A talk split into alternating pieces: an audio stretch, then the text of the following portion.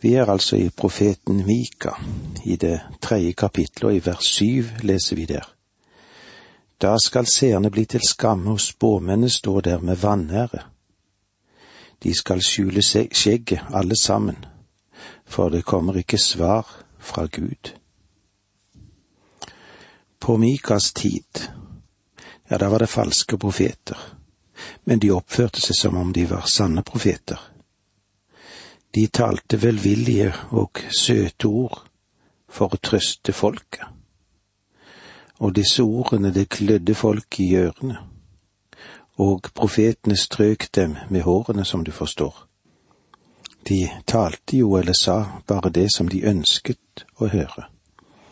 Og folket, på sin side, de klødde profetenes øre ved å si til dem hvor vidunderlig de var hvilke fantastiske predikanter de var, som sto frem slik som de gjorde. Ingen kan si tingene så vakkert og velformulert som du.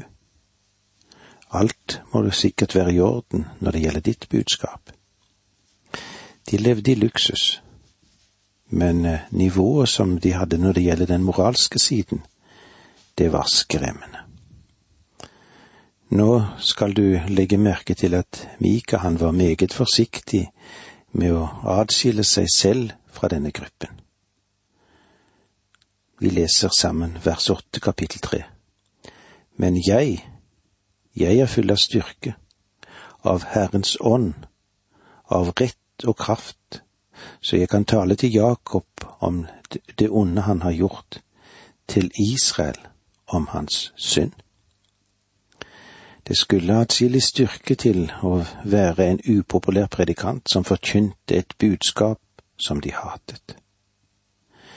Men Mika, han kunne si, Jeg vet at Herrens ånd leder meg til det jeg sier. Det er vidunderlig, og det er nødvendig å være i den posisjonen for et Herrens vitne. I det siste avsnittet her i dette kapitlet så vender Mika seg spesielt til Jerusalem og til lederne der. Så langt har han altså talt til Nordriket Israel, men nå soper han sammen både profeter, høvdinger og prester i Sydriket og forkynner dom over alle sammen. Vers 9, kapittel 3. Hør dette, høvdinger i Jakobs ett dere styresmenn i Israel, dere som avskyr rettferd og gjør det rette kroket. Han sier, Hør på meg, jeg har noe viktig å si dere. Og så går han i detaljer om deres synd. Vers 10 og 11. Som bygger Sion med blodåd og Jerusalem med urett. Der dømmer høvdingen for betaling. Presten tar lønn for å lære, og profeten spår for penger. Likevel støtter de seg til Herren og sier, Er ikke Herren midt iblant oss? Det hender ikke oss noe vondt. Der dømmer høvdingen for betaling. Presten tar lønn for å lære profeten spår for penger. Hva er det alle disse har til felles? Ja, hva er det de har til felles? Grådigheten, begjæret. Det er den verste form for avgudsdyrkelsen selv, det, på avgudens tid, grådigheten, begjæret. I dag har vi ikke avgudsstatuer som stående rundt omkring oss. Ja, i alle fall i det minste så håper jeg inderlig at det ikke er slik. Selv om det er sant at overtroen vokser, og det er stadig flere og flere mennesker som ser inn i horoskopene, så har vi likevel ennå ikke sunket til den bunnfalske avgudsdyrkelsen som eksisterte på Mika sin tid. Men likevel er det vel sant at vårt begjær er avgudsdyrkelse. Mika setter her i fokus Israels virkelige synd, avgudsdyrkelse. fordi begjær, grådighet, det er avgudsdyrkelse. Dommeren dømte for betaling. Prestene lærte for lønn, og profetene spådde for penger. De gjorde alt dette ut ifra motivet hva kunne dette innbringe de selv? De tok ikke Gud med i beregningen, og deres fremste tanke var heller ikke folket. De var villige til å trukke menneskene ned i. Ikke rart at anklagen kom imot dem.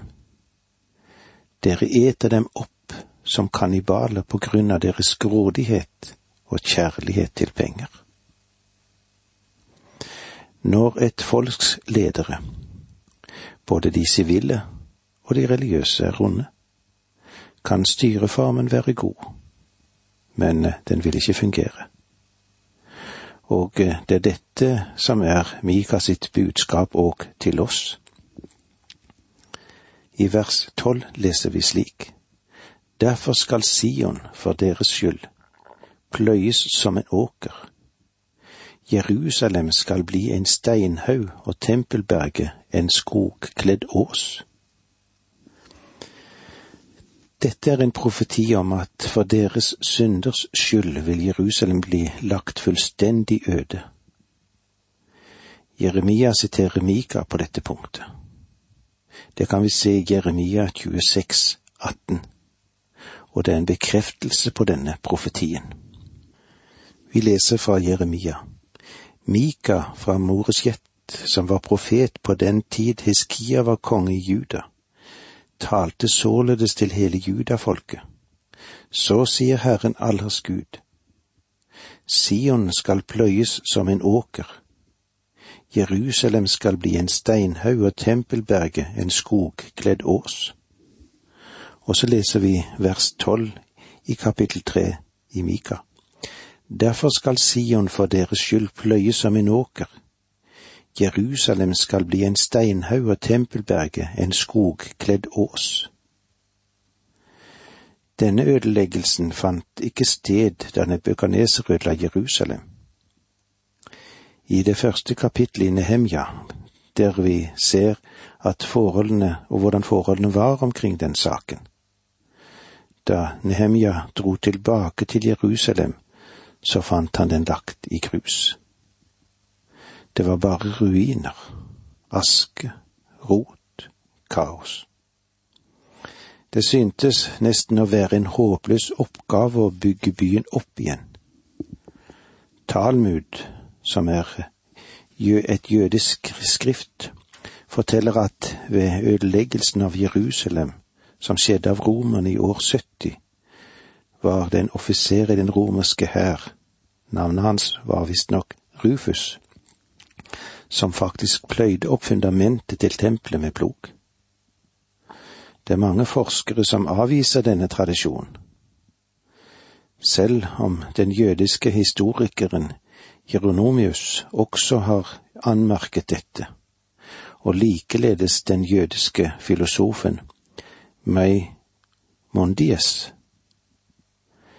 Jeg tror at dette kan medføre riktighet. Nebukaneser og romeren Titus var i stand til å ødelegge byen helt og fullt. Men enten denne spesielle tradisjonen er nøyaktig eller ikke, så bærer Jerusalem selv i dag merker av at Mikas profeti, den ble bokstavelig talt oppfylt. Midt i dette syndige samfunn skal det likevel være klart hvordan en rett Herrens profet er kalt, hvordan han opptrer og hvordan han forkynner. Men jeg, jeg er full av styrke, av Herrens ånd, av rett og kraft, så jeg kan tale til Jakob om det onde han har gjort, til Israel om hans synd. Og med disse ordene sier vi takk for nå. Må Gud være med deg. Dette undervisningsprogrammet består av to deler. Åge Nevland fortsetter nå med andre del av dagens undervisning.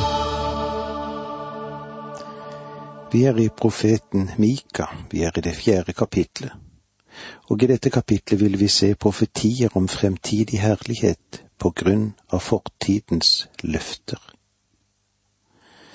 Denne lille profetboken som bærer Mika sitt navn, kan sammenlignes med en jødisk dag ved at den kan gå fra kveld til morgen.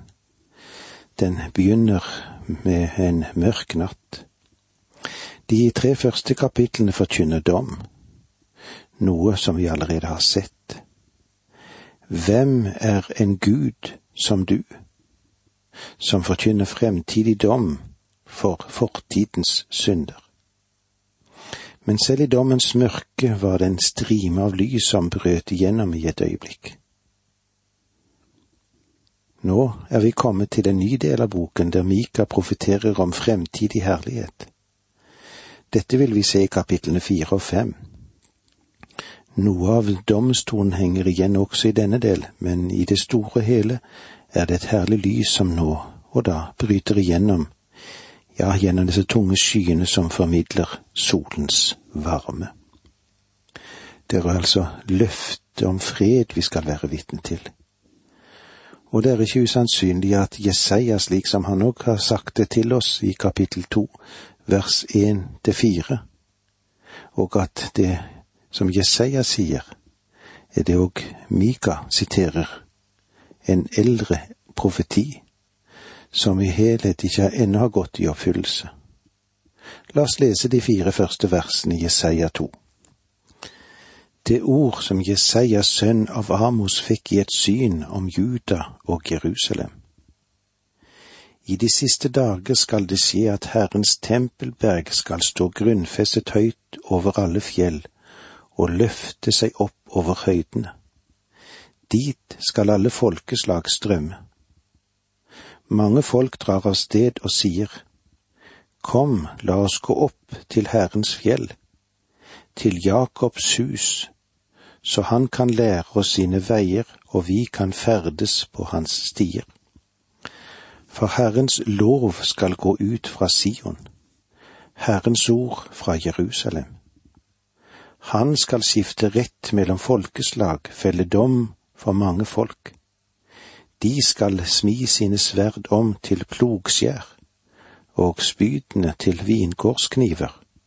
Folk skal ikke mere løfte sverd mot folk og ikke lenger lære å føre krig. Og eh, i Mika, i det første verset i kapittel fire, leser vi slik. I de siste dager skal det skje at Herrens tempelberg skal stå grunnfestet høyt over alle fjell, og løfte seg opp over høydene. Dit skal folkeslag strømme. Dette kan vi få lov til å fremstå som en mektig del av Bibelen. Og eh, det er mektig kjent. Vi leste jo om det samme hos profeten Jesaja. Og du husker sikkert at Mika, han var samtidig med Jesaja og gjennom årene har forskerne vært opptatt med å finne ut om Mika kopierte Jesaja, eller om det var det motsatte da, at det var Jesaja som kopierte Mika. Ærlig talt så synes jeg en slik debatt er misbruk av tid og krefter som det er ingen som kan svare på. Jeg vil heller se det på denne måten siden Den hellige ånd er forfatteren, så vil han være i stand til å si det samme både gjennom Jesaja og gjennom Mika. Og årsaken til at han sa dette to ganger, var at dette var så viktig. Og derfor får vi se det på denne måten da, og denne delen av Mika-boken. Den er særlig oppmerksom på dette. Legg merke til at det verset vi har lest, det står veldig i kontrast til det siste verset i kapittel tre.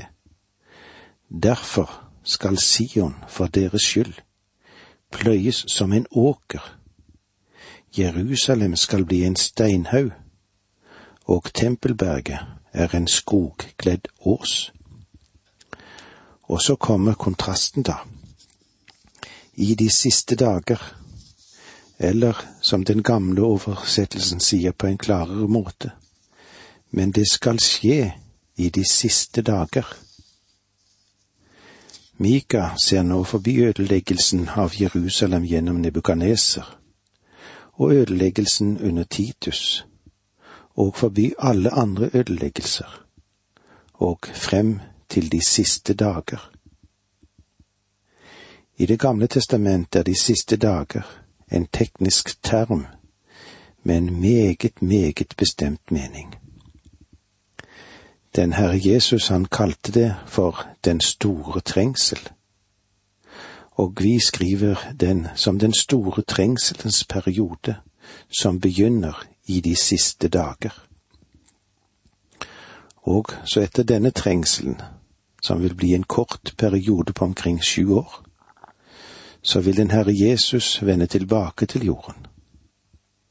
Faktisk er det slik at Hans komme vil sette en stopp for trengselsperioden, og han vil selv opprette sitt rike på jorden. Så de siste dager omfatter trengselens tid, Kristi gjenkomst til jorden og tusenårsriket.